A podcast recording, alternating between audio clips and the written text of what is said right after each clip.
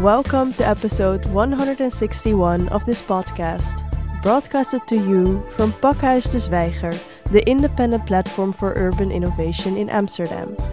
My name is Annick van Rinsum, and my guest today is interdisciplinary artist Niño Divino.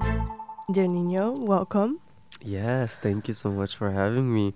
It's so nice to um wake up early in the morning and prepare mentally to have a beautiful conversation about the work.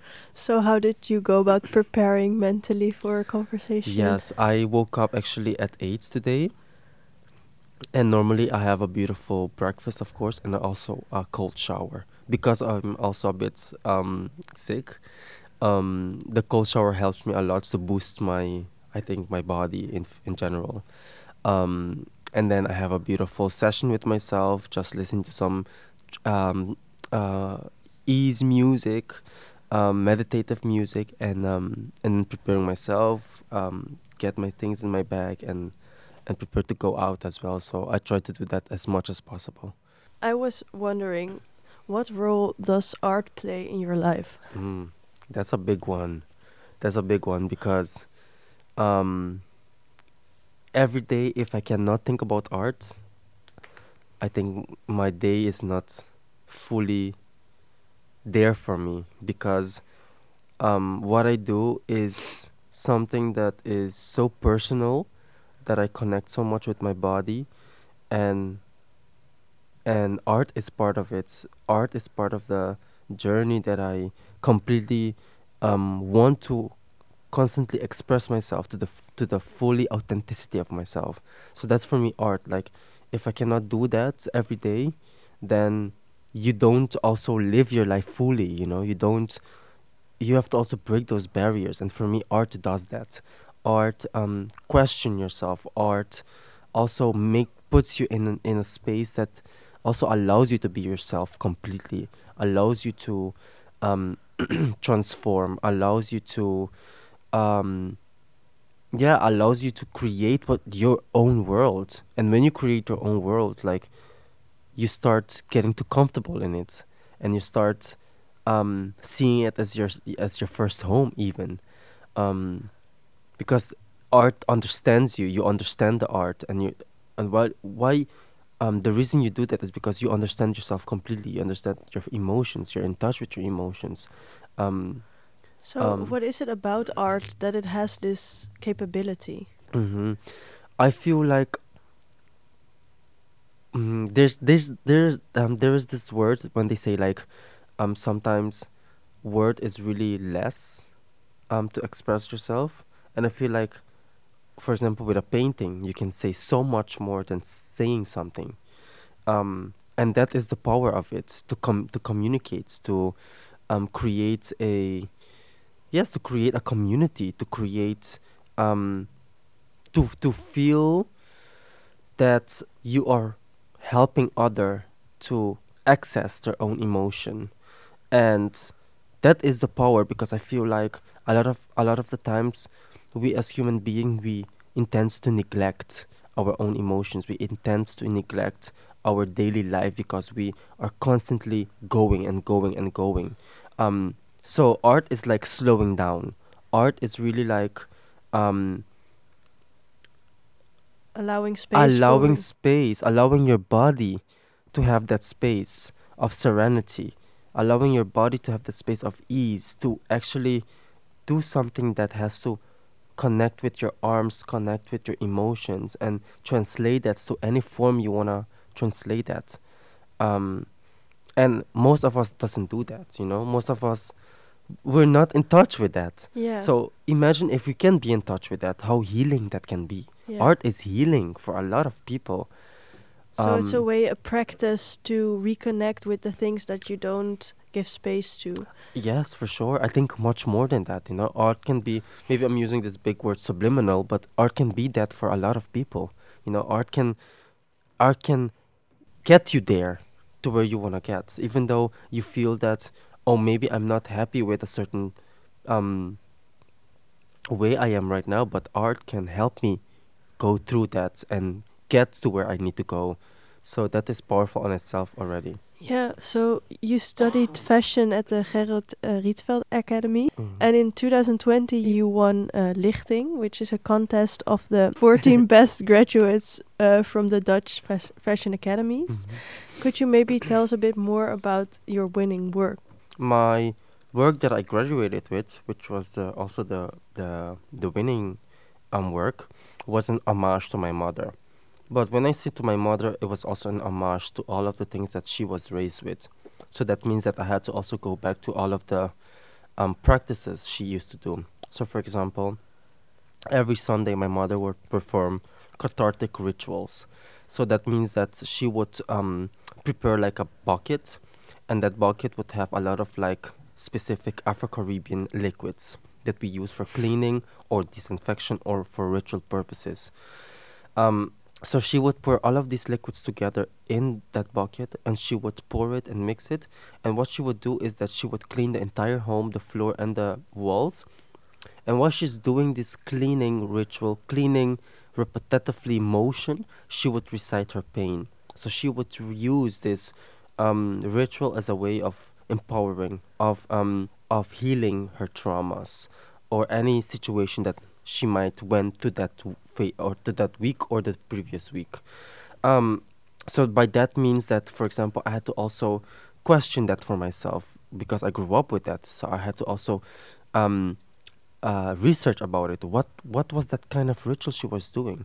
And then I realized that she was um, using two um, two methods in one. So she would grab a lot of like the Catholicism um, that was very embedded in our islands, and also she would use the indigenous Afro-Caribbean rituals. So she would mix that together, and that and that becomes the syncretism. So my work was a, uh, an homage, and a veneration to the syncretism ritual through the female body. So what I presented was an altar um, altarismo, and it was an installation where there was a lot of like doll saints, as I like to call it, and I and I did like six of them, and they were like positioned in a home um, situation, and all of these six saints had their own symbolism, their own feeling, their own color, their own um, trauma, their own um, cultural aspect in it, and they had their own sounds. So that means that when I was doing the performance, which I will also I was also cleaning in that moment, I was also um, activating these dolls. Um, I was becoming part of these dolls. Um, so I had to really go back and use it to myself as a way of asking to myself, okay, if my mother used this as a way of healing, I can also adopt this ritual of her and heal myself because through my years studying or to my years living in, in the Netherlands, I have encountered myself with belittlements or different races aspect as well. So I thought, how can I empower myself through that? So um, I adopted her ritual, my mother's ritual, and I started using it to empower myself as well from these belittlements, um, and that's how I, um, and that's how I uh, reclaimed my entire identity through these rituals. Um, so that was um, what I presented for my And, and how did you think of the dolls? So the thing is that my mother, my mother used to already. The thing is that I was raised with a lot of um, a lot of women in my life that did a lot of like, like handcrafting um stuff. Um, so dolls was already there when I was a kid. My grandma used to make a lot of dolls to decorate in her in her home. Um, so I thought, of course, when I see saints, when I see my mother or my or the female entities I was I grew up around, they venerate saints, and saints are dolls. Saints are like these statues, and and I thought, of course, these saints are also wearing clothes, and I thought, oh my gosh, like this is it. I can also create saints for myself to venerate them. I can also create my own dolls that connects back to my family, to the tradition of their handcrafting, going back to the to the ritual and the and to the um to, and to the praying part. So I mixed that together because they came so good to, in hand in hand. Yeah. I couldn't see it as a separate thing. It just came like this, like of course, like a saint looks like a doll as well, and so I can also build this doll to have them commemorate myself, help me see my own trauma in a different perspective. Um, so uh, yeah, that's that's how it came actually because I had an hist- uh, family history already with these dolls. yeah. Mm-hmm. You said you experienced uh, belittlements, but maybe you can also call it um, discrimination. Mm-hmm. Exactly. People would call you too colorful or Mhm. exotic. Mm-hmm. Um, but it's not what I read, not like you expected it to be when you came to Amsterdam. Mm-hmm. So, what I- image did you have of Amsterdam when you decided to study here? Mm-hmm. This is so a good one. This is a good question actually. So the thing is that when I was preparing my portfolio back in Aruba, I usually got a lot of. I, I used to do a lot of workshop, um, um, and most of these workshops were given by teachers that came from the Netherlands. And they would come and see my work, and they usually tell me like, "Hey, I think you should go abroad. I think you should um, study abroad or, or do something in the Netherlands." And most of these lo- most of the local artists that we have in the Caribbean has attended to the Rietveld Academy. So that means I was always like influenced to go abroad and to actually um and to actually uh yeah and, and to actually go do the Rietveld for example. Um so they would they would always tell me the beautiful part of it, the beautiful part of their own experience of like going to the Rietveld, going to to the Netherlands and having ele- everything cheap. You can dress um cheap and you can find materials to work with really cheap. So you can. It was very like this, like this beautiful experience. And of course, it is a beautiful experience. Um, but I felt like they never told me about the other side of it. You know. Um, Why do you think that is? Why do you think they only told you about the positive parts? I think it was because like they never had the the moments to also digest their own bad experience. I think they never questioned that part. They were like always like um yes, it's a beautiful experience and it gave me a lot of, of opportunities and I never should question the bad part of it that I went. I think that was it, you know? And and then I realized everything that they were that, um, that they were telling me about. I was like, but I can see what they s- what they are telling me. I I I have experienced that beautiful experience, but at the same time, I'm like also, but why they never taught me or told me about this Mhm. other side of it, and that and, and I found it very odd actually. Um, till to I went to do my internship back in Aruba, and actually I told I I encountered with them to the local artist, and I told them like, this was my experience, and they told me like, oh shoot, Darren, like, I'm so disappointed that you went through this. Yeah. I thought it was over in my time, but it's not over yet actually. And I said like, what do you mean? Because in that moment I didn't know what they meant. I didn't know what exotifying others uh, mean meant. You know, I don't know what um, uh, racist connotation meant at that time. Till till to I had to went to my Aruba again and have a conversation with them, and they told me like, I went to the same experience and I was like, oh my god, like this is like almost like a circle again. And I thought, how can I break this? How can I also represent my own people and breaking this trauma, this circular trauma? And then I start um, interviewing them. I start asking about, okay, how do I do it in my own way?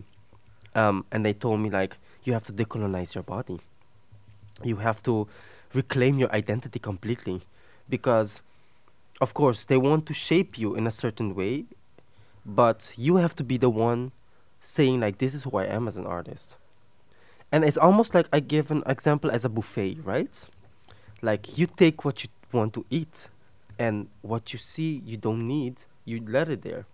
So that's how I also took it. Like I'm going to take the things that I learned and and gave me the best joy and love through my experiences being here, but also uh, put it in my own perspective. Yeah, because you Um, also said like they want to shape you in a in a certain way, but because it's not only like Dutch people who gave you uh, these comments, like too com- colorful, of being ex- exotic, but also even at the Rietveld Academy itself, you were told that you were too dramatic or emotional. Um, yeah, what is that like? If because you probably had an image of an art school to be like open-minded. No, Uh, yeah. for sure, for sure. I think for me it was much more of a of um experience these things that I didn't know what it was at first. Okay. You know? So how did you encounter it at first? at first it was more of like I was like laughing at it because I thought it was funny. You know, I was like, "Oh, oh my god, this is funny. Why are you saying this? It's just funny." I just thought it was just funny, like literally funny, like a joke you were cracking at me. Like a funny joke. and, and Um, what was funny about it? I think it's just because I didn't had much information about it, and I didn't know what it was, it, what it meant. Um, and that's why I was like, okay, but these words also sound funny to me. You know, it it was funny in the sense of like, like I thought it, you know, like it's like kind of like, haha, you're different, haha, yes, I am. yeah, it's like yeah, t- type of that connotation. I was like, oh my god, like, haha, yes, it's so funny that you say in this because I was like, um, it was much more like a humor thing. That's how I I saw it first. It was like a humoring thing, like like like a friendly thing that you say to someone and um that is supposed to be uh, but now it's it's that in my eyes it's not a compliment either Uh, but it's I felt like it was like a good compliment like, haha, you're so emotional. yeah, or like exactly, you're so in touch with your this or, th- but then I'm like, okay, I guess so, you know, but you don't know still because you're still like asking yourself, you're still like discovering yourself, you're still like doing a lot of the things that they ask you to do, which of course you you're there to learn, and that's what I wanted to do as well, to learn and to grow. Which I am blessed for that a lot. I learned so much. Don't get me wrong, I learned so much. Um but I also i felt like there were no more other rooms for other things. That's what it was. It was like it it only had one perspective. It only had one way of doing things. And that for me was the the the eurocentric idea the eurocentric um aesthetic or or proposition. And i thought oh my god like i i wonder what would happen if i reference my own artists. I was questioning myself um, on that. Like, what would happen if I actually introduce my teachers to my local artists? W- would they also see them as equal? Would they also research on them? Would they also reference other students about them? You know, those type Mhm. of questions I ask myself with. And then I realized like, oh no, it's not that case. Then you can see like the the, the, like, discrepancy. Exactly. There's no eye to eye. Mhm. There's no um Did you try to to introduce your teachers with your I did. and I so what happened? What were the Um, reactions? I think in that moment I was so in that moment when I start doing that I was already in that decolonial decolonizing proposition with my body. So that means for me I was already in the phase of like I will introduce to them regardless of Mhm. how they take it or how they if they want to listen to it or not. This is what I want to do. This is what I want to put as a, my proposition. And if they don't like it or not, it's it doesn't do anything to me. And they can't hurt you because No. you're okay with. I, I was okay with it. I was Yeah. okay that, like, these are the people who inspired me. These are the local artists that shaped me. So I I was so proud, like so so proud that I could have mentioned their names in my thesis. I was so proud to introduce them to to any people around in the creative field. You know, um, so I hope and I wish um, that what I've done through that process of finishing my academics study, I hope that I could have done something for the academy as well, for the upcoming people who Yeah. is also coming there. That is not only only from the um only from Europe, but also from the other Atlantic Ocean. You know, um, the other side of the of the of the Caribbean side. So I I also wanna do something for them so when they come, they no longer have to go through these words that I at first I didn't know what it was, but they can also be like, oh wait, no, I think this is disrespectful, and I think we should have a talk about it and not um, neglect it. You know what I mean? But to actually have a conversation about it. Um, So that's ho- that's only what I wanted. You know, to to actually have a eye to eye conversation. Yeah. So how did you move from uh, perceiving it as something funny to really understanding that it's something else and and like what clicked in your head and how did you move to this decolonizing your Mhm. own body? Yeah. So it came about um, when I was very new still to the queer community, to the gay community especially, because in Aruba it's still a taboo. It's still um uh yeah we we as as queer community in the Caribbean it's still um a lot of trauma for us because um because there's a lot of like this macho culture there you know they want to really tease us and and and throw a lot of like um yeah belittlement words towards us you know? Um so what happened is that when i came to the netherlands i was very new to all of this gay scene queer scene in the netherlands. That was the first time i literally saw what was a gay bar you know? And i remember i think it was like my my third year at the Rietveld that um I went to these experiences, these bar experiences, and um I remember several people, um, um, white men would approach me, and they would tell me like, "Oh my God, you're so exotic, like you're so, like you're so my type, you are very like." But then I'm like, and then, but I knew about that word exotification already through the academic. Hmm. So I was like, wait, why are they telling me this in a gay bar? Mm-hmm. Until to this day, day, I was like, oh my gosh, like they're sexualizing me. They're like seeing me as like a fantasy. Because I'm from the Caribbean, I have a thin skin, curly hair, dark, whatever it is for them. Yeah. And then that was like, oh my god. That was the click in my head of like, exotifying is not a positive thing.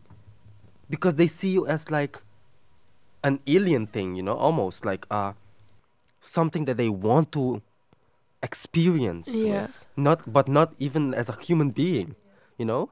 And and there I was like, oh my god, I have to research about this. I have to also see why some of the people you or like, um person in, in the academic also used that words towards me. And then everything made sense. Everything made sense. Because of course when you say someone when you are exotifying someone it's because it's like it is because of the color the mannerism the you connected with a with a less thing you know? You connected more of like a you become uh almost like a toy you know? Mhm. like a like a something to be discovered because they want to put you in boxes so they want to kind of like i want to see what else i can get from this Yeah, it's really what they can get from it and not about Mhm. really getting to know you that's as a person. exactly that's what it was Yeah. and i felt very used you know i felt very like oh my god like i'm i want to be me see me from hu- a human being and um and when i when i realized that moment on that moment i i i started to be like oh no i'm going to empower myself with this. I'm going to grab that word and no longer become the victim of it, you know, but to actually decolonize it, to actually be like, okay, this is what you think about me. I'm gonna actually tell you who I really am, actually, um, and not having you having a perception of who I might be, um, of who I am as a Caribbean. Because, come on, let's be honest, you know, like most of the um, Europeans have a perception about the Caribbean people, you know, how they look, how they behave, how how they are, you know, but actually they really don't know anything about it. And the most poor part is, or sad part is that we in the Caribbean we have to learn a lot of the things about the history of the Netherlands, but they never they don't know anything about our history, anything. So that says a lot. It says so much when I was going through that. So that means already like, oh my god, like no, Darren, I can no longer accept this. I can no longer smile with them anymore. I mean, of course, I'm a very friendly person. I'm, I don't have any grudges or bad intent. But I felt, okay, this is my moment to educate. This is my moment to actually set things right and and talk about these subjects that maybe is very sensitive to them, but this is how we should do it. We have to lay everything on the table and have a conversation. Yeah. And um, So how do you go about doing that? It m- must be quite a journey also to get there. mm, it is a journey, but most of all, it is very exhausting. It is very exhausting because, of course, I want to educate, but that's not also, that's not my role. You know, I do it because it is part of my work and I want to do it because it, it comes very passionately to me. But I also want them to educate themselves. You know what I mean? I don't want someone like me to appear to educate others. Yeah. Like Google is right there. Buying a book is right there. You ha- now in this generation that we are in, it's so easy to educate yourself. But then you ask yourself why they don't want to educate themselves. You know, but but then again it's like you're becoming the problem. You know what I mean? Um so I do it through my work. I do it through my community because of course I can I cannot educate everyone because everyone will know will not think as the same as me but if I can educate my own community to stand for themselves then we become a stronger community that we can keep respect ourselves you know and put boundaries to ourselves and to start noticing things that um how they see us is not actually how we actually are. But we only know who we are you know to to be to show them that awareness you know but in a positive way in a in a way that they can keep inspiring others not do it in a way of um in a negative way you know but i do this is how i do it you know i i want to have a conversation i actually want to sit and have an and and hold hands together and go for a walk and have a talk you know that's how i do it So you recently you made your first EP called Anemoia. Uh, so how did you come up with this idea? yeah. So basically, um, through my years studying at the Rietveld, it was the second year. The thing is that I used to do a lot of videos, and most of these videos that I used to do, I used to compose experimental music or experimental sounds. I was I would record a lot of like soundscape and and put them into my into my um s- short experimental academic videos, you know. And then I thought and that in, in that period i also was going through a depression and anxiety phase like losing my identity because also i had to also um you know uh almost like forget about my own identity because you come from an island and when you come here you study a lot of like european artists so you also lose a lot of the things that you know from the island so I started like losing myself, and while I was losing myself, I was also um getting very depressed about it. Um, um, so I, it was very a lonely state, uh, for me. And then I thought, um, I remember I went, I was doing therapy, um, to my therapist, and then he recommended me, and then he said something about, um, maybe you should do something beside fashion um, that maybe can also give you a lot of energy and give you that, that, spark. Um, so I thought, okay, I'm just gonna keep doing videos, keep doing things that I do, and to the and to that moment, I realized that when I was depressed, I was also, of course, I was like, um, I couldn't sleep, so I was like in the in the midnight just crying my my body away. Um and then slowly i was like recording my the the feelings that i was feeling at that moment. Um in in in the in midnights. So i was recording just like things that i was thinking of you know recording them and just like having a conversation with myself actually. That was it. And i still have these conversations. Um and then slowly i started writing in the, in those um, periods in as I like to call it, yeah, just like the the the midnight days, you know, two o'clock, three o'clock, still awake, cannot sleep, um, just writing everything I was feeling, and then slowly I was like humming the things that I was writing, humming. I was like creating melodies, but I was just recording them. I was just doing it because it was working. Something was giving me. Something was I was pouring something out there, you know, that I felt like I was heard, being heard. Um, and then something came in my head. I was like, oh my god, like, like music was always there, but I was I never thought that it was going to become something prominent in my life. I always was searching for a way to sing, searching a way to create music I was always doing that since coming b- coming to the Netherlands, but I never thought it was something for me to do as something a professional thing. You know, till this till to that moment, I felt okay. I'm going to create music for myself. So I started. I I downloaded these music um softwares, and I composed just like amateur demos and I had like 15 to 20 conversations with myself, humming and just singing random emotions out there.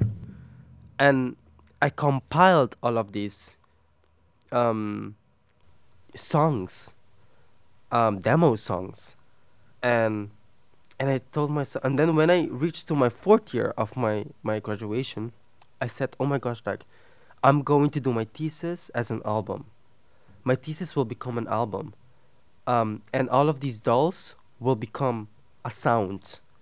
Um, and that's how music came for me, like more in a, in a professional way, serious way. Because uh, also the EP consists of six songs, and there are six dolls. Yes, so exactly. is th- what's the connection? yeah. So the thing is that with my, with my album, yes. Okay, perfect. Um, so what happened is that because I compiled so many songs for my album, there were songs that didn't make the cut for the album. But there were songs that didn't make the cut that I really loved, but didn't fit into my album sonorically or um, or conceptually in my album. So I thought, oh my gosh, like I really love these other songs. So I thought, okay, maybe I should introduce myself first as who is Niño Divino. And I thought, okay, I'm gonna grab these songs, and I think it was like ten songs from the from the songs that didn't um that was that will not be in my album. And from these ten songs, I sat with myself and I thought, okay, these are the songs that really sticks with me and have something to say. So I grabbed them and it was like around eight songs. And from these eight songs, I started developing them, and then they became more of like a okay, they're becoming something now. They're having structure. They are slowly getting structure, and then um. And then I felt okay. What do I want to say with this EP, or with this extra songs? What do I want to say? How will I introduce myself to other people? So I thought, okay, I'm gonna introduce them by bringing them to the beginning. And that was my childhood memories. Um, and then I remember when I was doing therapy, um, my therapist told me I had um, childhood trauma as well. And I said, this is perfect because it's not also like I was talking about depression in my music, but I was also talking about childhood memories. And I thought, okay, I'm gonna grab these songs, and this is gonna be my center focus, my focus of for the for the EP. Then it became an EP. Then, then I thought, okay, six songs. The number six represents six siblings. We are six in total. Um, it's also six dolls. It represents also for my siblings. So the number six was very Clear. im- clear and important to me and also into my work. And from the eight demos that I was like compiling for the EP, I just dropped the two and then it became six. And then that's how the six came in because of the six dolls, the six, um, my six siblings. Um, so it became more meaningful and symbolic. And that's how it came because of that. So it's kind of started with the lyrics and then the Yeah. music and then the images. Exactly. And so, Mm-hmm. what kind of image? How did the images come to you? So for me, when I was already writing these loosely um, demos, I was already having like supercuts of glimpses of visuals, and I and I was like, yeah, okay, I see these visuals, I see these, um, I see it connects with each other, and um, I start drawing them, and they were really like loosely stuff, but slowly I saw them coming together as a story, and of course I, I'm an artist that I like to I'm a storyteller. So slowly I started like compiling more informations. I started um, uh, grabbing my childhood by the hands and let him guide me. And that's where I talk about a lot of my childhood. Um, uh, the, the kid, you know, the, the child, the inner child. Um, so when that moment was happening, I was also on Aruba. So it was very easy for me because I went by foot to all of the places that was very significant to me on Aruba that did an impact to my childhood memories. Um, and I start documenting those those parts of Aruba. I documented all of the houses that I can recall that brought me a memory. I went to all of my friends, my childhood friends, and have a conversation with them again. They unlocked so many other memories. Then I was like, oh my god, like these were the moments that was also dark for me as a child, but also happy for me as a child. So I compiled all of these informations and I started asking myself, how will I translate it in visuals? And then that's how I start drawing and do this and do the script for it and, and, and everything I did to myself to really bring people back there, like into the world of my childhood memories. So I told myself, this album is very no- nostalgic to me. It's very nostalgic and melancholy. It has its nice part, but also dark parts to it, and that's what you're gonna also see in my in my EP, that it starts with with clarity, but it ends also in darkness. And especially the track one, there's a parenthesis, um, and the parenthesis is called um, vida, that means life, and then the last song on the EP has a parenthesis, also um, called morto, that means dead. So it brings you from lights to dark, and I want to also bring that lightness to darkness through through all my my years from my childhood memories till now. Um, and and from there on, that was the visual for me. How will I tell it from the beginning till where I am right now? Um, and as you can see, I don't know if you have seen my my music film, music videos of my EP. Um, you can see a child, a kid, a small kid, always being there, and it's gonna continuously to come there. Um, on my EP, um, the child represents myself, and I am the child is basically guiding me through these paths, through these spaces, through these um, locations, um, buildings, um, objects. All of these things that I compiled is in the in that video films, and they all have a meaning. They all have a representation of the culture um, of Aruba or the Caribbean in general. So that means that there will more to come, more videos to come. There are six in total, um, and they will co- they will tell an entire visual concept from the beginning till the end. So you said it's from uh, lightness to darkness, and it seems like a reversed pathway. Could you explain uh, this this direction? hmm Um, yes, that's. I'm happy you say that because um, that's a nice. Um, that's a nice attention that you saw actually because um, it is reversed because what it is is that when I when you go back, you are reversing. When you go back to your childhood, you are reversing. You are you are you are putting your body and your mind and your state to to a situation in your life that actually is no there, is no longer there anymore, but you can feel it still. So that means is that of course it's not present anymore, but it's present because of the emotion. I don't know if it, it makes sense.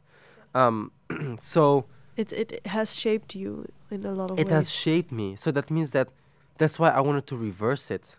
Because if I was going to reverse it, that's exactly where it started as well. On the reversed. Not on where it is now, but on the on the past. That's where everything started. Um and and that's why it's like that. It came with such light, with such purity as a child, you know? For me a kid is very pure, it's very holy um, and and that's why I, I, I- I feel like it was very important to talk from a state of a kid and then as the ep progresses you can hear i am growing up i am talking about situations that happens like around my 17 when i was 17 in my teenage years and then ending up back to my childhood um, feelings, but in in a grown up state. Um, so um, yeah, this EP has so much layer. So so much layer, so much in the sense of the cultural aspect, symbolism, memories, um, methodologies, references. It's so packed that I hope that everyone can connect with it in a in a in a in a way you know it can be spiritual it can be energetically it can be movable what whatever it can be it has a sonoric for everyone you will encounter like of course the singles that i put out is very energetic it's very rhythmicality but you will encounter songs in my ep that is more um, slow, more thinking, more rituals, more um, being in contact with your body. So um, yeah. And there's uh, even another layer, namely that um, your alter ego Niño Divino Mhm. was was birthed. Uh-huh. So Exactly. first of all, who is Niño Divino? Yes. Um. Oh my God! I love these questions. oh my God! This is great because I feel like you did your research. You I know. did. yeah. Which I really really love. Um. So basically, my mother, because we are six siblings, each of us, my mother has gifted us with a saint, and my saint was Divino Niño. Divino Niño is a saint of a child. Uh, it's it's like a kid. We're in pink. Um, and this saint, my mother would pray to that saint for me. So I grew up having that saint as my saint. So I thought, okay, if I'm going to talk about my childhood memories, if I'm going to go back to my inner child, what is the best symbolism, objects that can represent me? And I immediately thought about Divino Niño. And and Divino Niño represents the kid, the child, the inner holiness, the inner purity. Um, wh- when you when you when you want to pray to to him to the to the Divino Niño, you have to offer him candy. You have to offer him cookies. You have to offer him those type of things, and those are also very child like aspect, you know. Um, so I thought, okay, perfect. I'm going to use Divino Niño. Actually, it was going to be Divino Niño. Then I was like, okay, if I'm going to use it, I have to also think about do other people have it or not. Then of course there is a band called Divino Niño. I said, oh no, I cannot use it. And then I said, okay, I'm just gonna reverse it. Then it became Niño Divino. But everyone knows What it me, stand what it stands for. Yeah. Exactly. So that's how it came. It was because my mother used to pray uh, to him for me. Um, so it also, And also, when you t- twist it around, the meaning is sti- still the same. yeah, exactly. It doesn't really It- change anything. Exactly. Yes. Exactly. Um, I thought for me it was very like a full circle to me, you know, because it connects again with my mother. Uh, most of my work is connected to my mother. Um, I'm going back to the inner child. Yeah. You know, it go it connects back to the child, and the Divino Niño, um, uh, saint, uh, statue. So everything was like so beautifully put for me there. yeah. You it makes a lot. Of, it really makes sense. it made so much sense to me you know so i thought i'm not go- i thought i'm not going to question it at all so i really feel like i still feel that i am at the right timing and the right position. Also today you know? Everything feels like it it walks at the right timing. And everything that from the name from the color from the aesthetic from the video to the music everything was like meant to be to be there you know? So that's how i also know that i am at the right path yeah. yeah So Niño Divino was also named by Dutch Vogue as one of the 19 voices of change, Mhm. and they write that for these voices of change, change is almost their raison d'être. Mhm. Would you agree in your case? oh my gosh um first of all i have to know like that word right you have to translate it for me Okay, so your your yeah your purpose for being in the world is Mhm. change. That's kind of yeah what they claim. yeah yeah it's crazy because that's that's quite a big thing to be honest Yeah. but they also say almost the Yeah. raison d'être. So they they they notice that it's maybe a bit of a heavy term. It is a heavy term. I think, like, I think it's a big compliment. Let me start there. I take it as a big compliment because, of course, I am someone that wants to do change. Um, and and and at the same time, I cannot be responsible for that big word either because at the end, I'm a human being. hmm I know I will also do mistakes in my life. I just know it. We are, uh, we are, yeah. What can I say? You know, so that means that I don't want people to put me on a pedestal. That's that's first of all. I'm not. I'm not a saint, you know, but I try my best to make a change. Yes, I try my best to to to to point at things that is not fair, and to talk about them, and to to bring awareness on them. And I feel like that's how also they see who I am as a person. Um, that they see that I have the courage to to to take these heavy topics or to take these heavy situations and to address them in a in a light way. Um, and I cannot also address it in a in an aggressive way because I'm not like that. That's not how I was built. For me, I am someone that speaks from the loving awareness. I am I am love, you know. Um, so I feel like love also comes with patience, comes with um, doing the light work, you know. Um, so I also want to do it like that. Um, I would I would only ask myself like, how would a kid do the work? You know what I mean? Niño Divino. so that's how it would do it, you know. And then I feel like that's how I should also do it because that's I feel like how I, how I was built, um, or made or made by the universe, or made also by the people who brought me. Um. Um. so, I really appreciate how they put me into the light and uh, i feel like they mean it in a beautiful way um, um, at the same time i'm trying my best to also be a human while i'm doing these changes you know i don't know if it makes sense what i'm saying. It makes a lot of sense. but um but yes i am like to to comment on that i i really um i'm i'm very honored. I'm very honored to be in that issue in that um magazine um because you know as a kid you only see it in front of you. You only go through it um and and and cut things out and and and make mood boards and you know but you never expect that you will be in there so that's also like a a waking up moment for me, but also oh, a kind of like an homage to my Caribbean people as well, that they can also dare to dream this big, you know, um, and to keep inspiring others. You know. to close off, do you have a message for our listeners? Ooh, um, I think for me it is definitely like, like don't question yourself. I think that's what it is. Don't question yourself at no moment, no time. Like if you feel like this is the way to go, you you do that.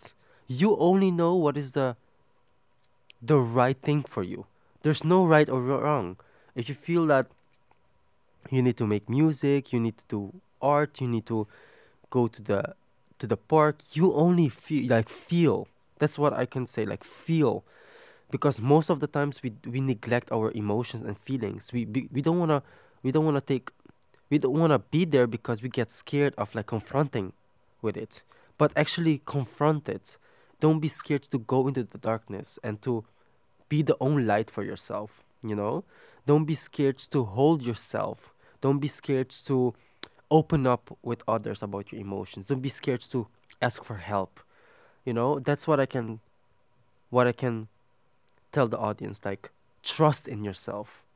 Really tr- like when I say trust in yourself is not only like you need validation of others, but validation of yourself.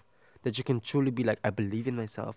I believe in the person I want to become and I believe in in in the purpose I have for this world and to carry that with honor and veneration.